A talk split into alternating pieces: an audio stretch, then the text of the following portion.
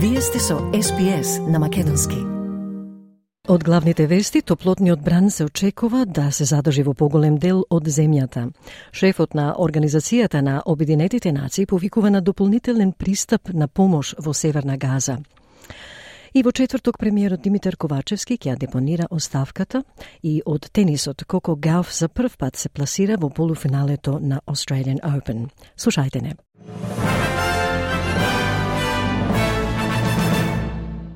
Топлотниот бран се очекува да продолжи во многу делови од земјата. Студената промена се очекува до крајот на неделата. Топлото време вчера предизвика некои региони да го достигнат својот врв во 40 степени. Метеоролошкото биро прогнозира дека вака ќе продолжи, прогнозирајќи ги и максималните и минималните температури од 5 до 12 целзиусови степени над просекот во остатокот од неделата.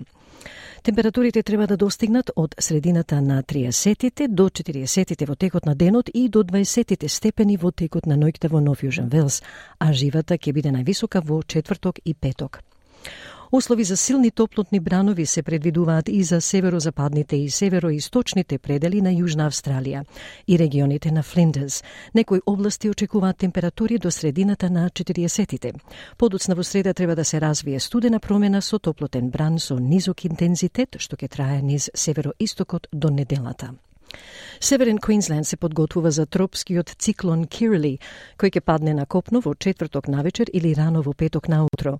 Бирото за метеорологија вели дека тропскиот систем зема подолго од очекуваното за да се интензивира.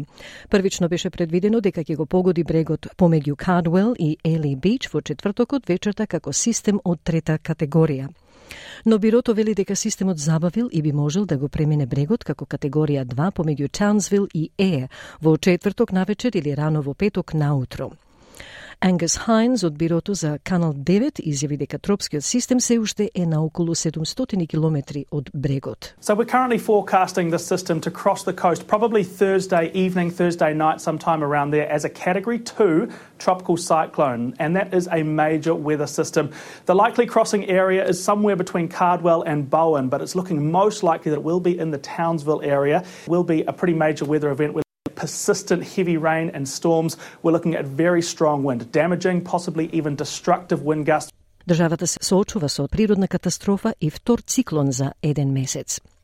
Премиерот Антони Албанезе ги бранеше промените направени во третата фаза од намалувањето на даноците, велики дека е од витално значење да се земат предвид потребите на оние кои се борат со низок до среден приход. Се очекува премиерот да го промени својот план да го задржи намалувањето на даноците од 37 од и да го зголеми на доместокот за даноци со низок приход за оние кои заработуваат до 50.000 долари. Различни медиумски извештаи велат дека на оние со среден приход ќе им биде понудена по-великодушна сделка, додека оние со повисоки плати ќе добијат поскромни приноси од првично предвидените.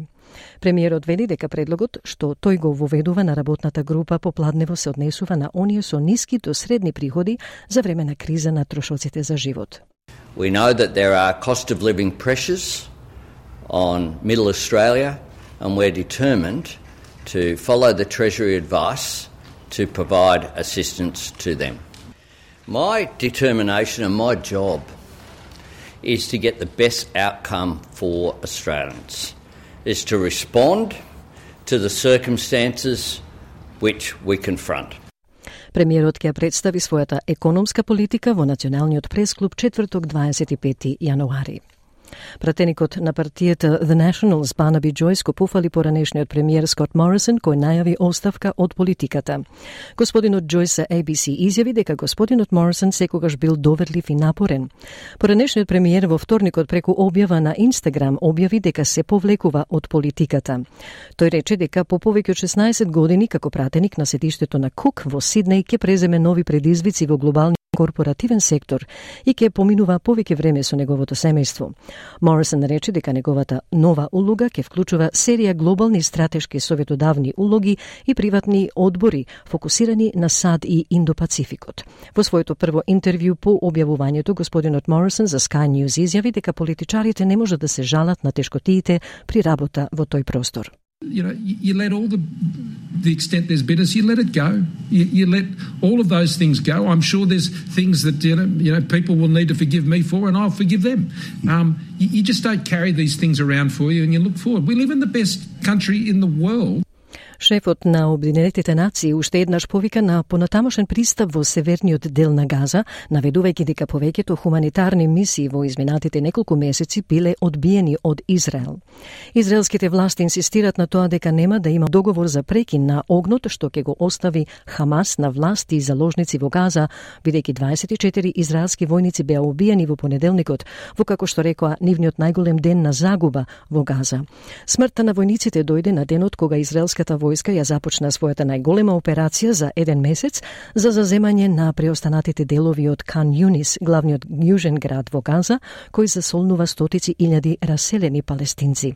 Шефот на Обединетите нации Антонио Гутереш вели дека ситуацијата е земјотресна и катастрофална за палестинците во Газа. The humanitarian situation in Gaza is appalling, with winter bearing down 2.2 million Palestinians in Gaza face inhumane, squalid conditions, struggling to simply make it through another day without proper shelter, heating, sanitary facilities, food, and drinking water. Everyone in Gaza is hungry, with a quarter of Gaza's population, more than half a million people, grappling with catastrophic levels of food insecurity. Министерот за комуникации го бранеше известувањето на ABC за конфликтот Израел-Хамас. Мишел Роландс вели дека владата има целосна доверба во председавачот на ABC и во незиниот управен директор Дейвид Андерсон и одби да го коментира случајот пред комисијата Fair Work на новинарката Антуанет Латуф против ABC. Госпогицата Латуф тврди дека незиното отпуштање од ABC било незаконско, а одлуката на радиодифузерот да ја отстани откако споделила објава од Human Rights Watch во која се тврди дека Израел го користи гладувањето како оружје за војна во Газа, значи дека таа била отпуштена врз основа на цитат политичко мислење. ABC во својот поднесок до комисијата тврди дека случајот на Латуф е фундаментално и целосно погрешно замислен и дека таа била отпуштена затоа што таа наводно не успеала или одбила да се придржува до упатствата да не објавува контроверзни прашања на социјалните мрежи. Госпогицата Роландс вели дека јавниот радиодифузен сервис постојано се обидува да ја подобри својата поддршка за новинарите.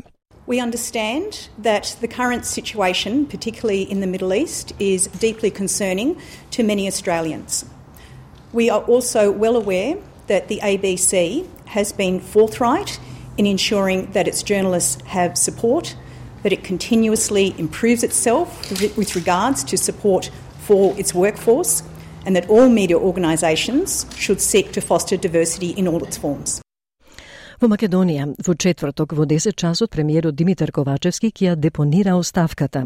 Со тоа во оставка ќе биде целата влада, со што почнуваат роковите за избор на техничката влада, која ќе се гласа во собранието в недела на 28 јануари. На последниот ден пред заменување од премиерската позиција, Ковачевски уште еднаш ги повика во опозицијската ВМРО ОДПМН сериозно да размислат и да гласат за преодната влада во која ќе имаат свои министри и заменици министри. В четврток оставка од функцијата председател на собранието ќе поднесе и Талат Джафери, кој до изборите ќе биде технички премиер, а во петок ќе се бира неговиот наследник, координаторот на пратеничката група на СДСМ Јован Митрески. Од ВМРО ДПМН остануваат на ставот дека нема да гласат за техничкиот премиер. Истражувачите решија долготрајна медицинска мистерија и сега можат да потврдат дека комарците ја носат бактеријата која предизвикува чирови бурули кои јадат месо. Долго време се сомневаа дека инсектите се носители, но научниците кои работат на студијата велат дека тие се соочиле со значителен скептицизам, додека настојувале да ја докажат врската.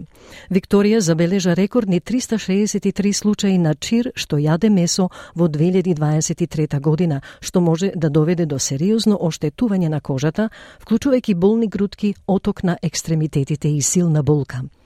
Кластерите се центрирани околу полуостровот Монингтон и областите на Джелонг, со случаи пријавени и во внатрешноста на Мелбурн.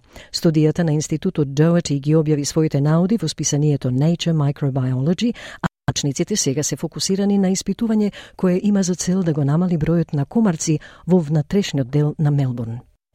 И во тенисот, Коко Гауф за прв пат резервира место во полуфиналето на Australian Open и сега е на две победи до освојување на големи титули една до друга. Актуелната шампионка на US Open ја продолжи серијата на Grand Slam победи на 12 меча по ролер костер мечот против украинката број 37 на светската ранглиста Марта Костјук со 7-6, 6-7, 6-2. 19 годишната девојка е исто така најмладата учесничка што стигнала до полуфиналето на овој турнир во сингл на жени по Никол Ваедисова во 2007 година и најмладата американска тенисерка што стигнала до Final Four во Мелбурн по Мери Джо Фернандез во 1991 година. Гауф вели дека изведбата не била неизина најдобра, но победата е победа и таа е фокусирана да остане на врвот. And yeah, I definitely feel a little change. Um, but also at the same time, like, not really, because when I was young, like, nobody wanted to lose to like a 15 year old. So I felt like people played really hard too.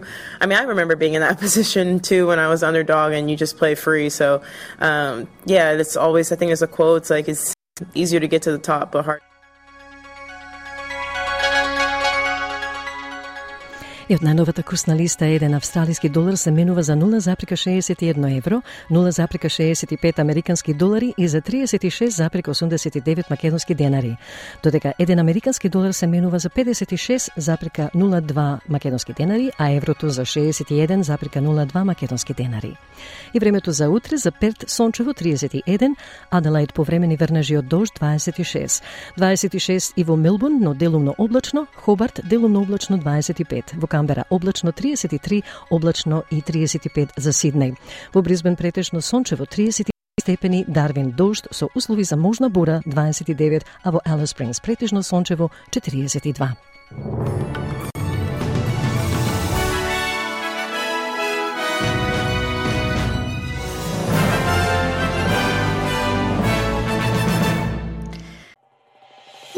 Сакате ли да чуете повеќе прилози како овој? Слушате подкаст преку Apple Podcasts, Google Podcasts, Spotify или од каде и да ги добивате вашите подкасти.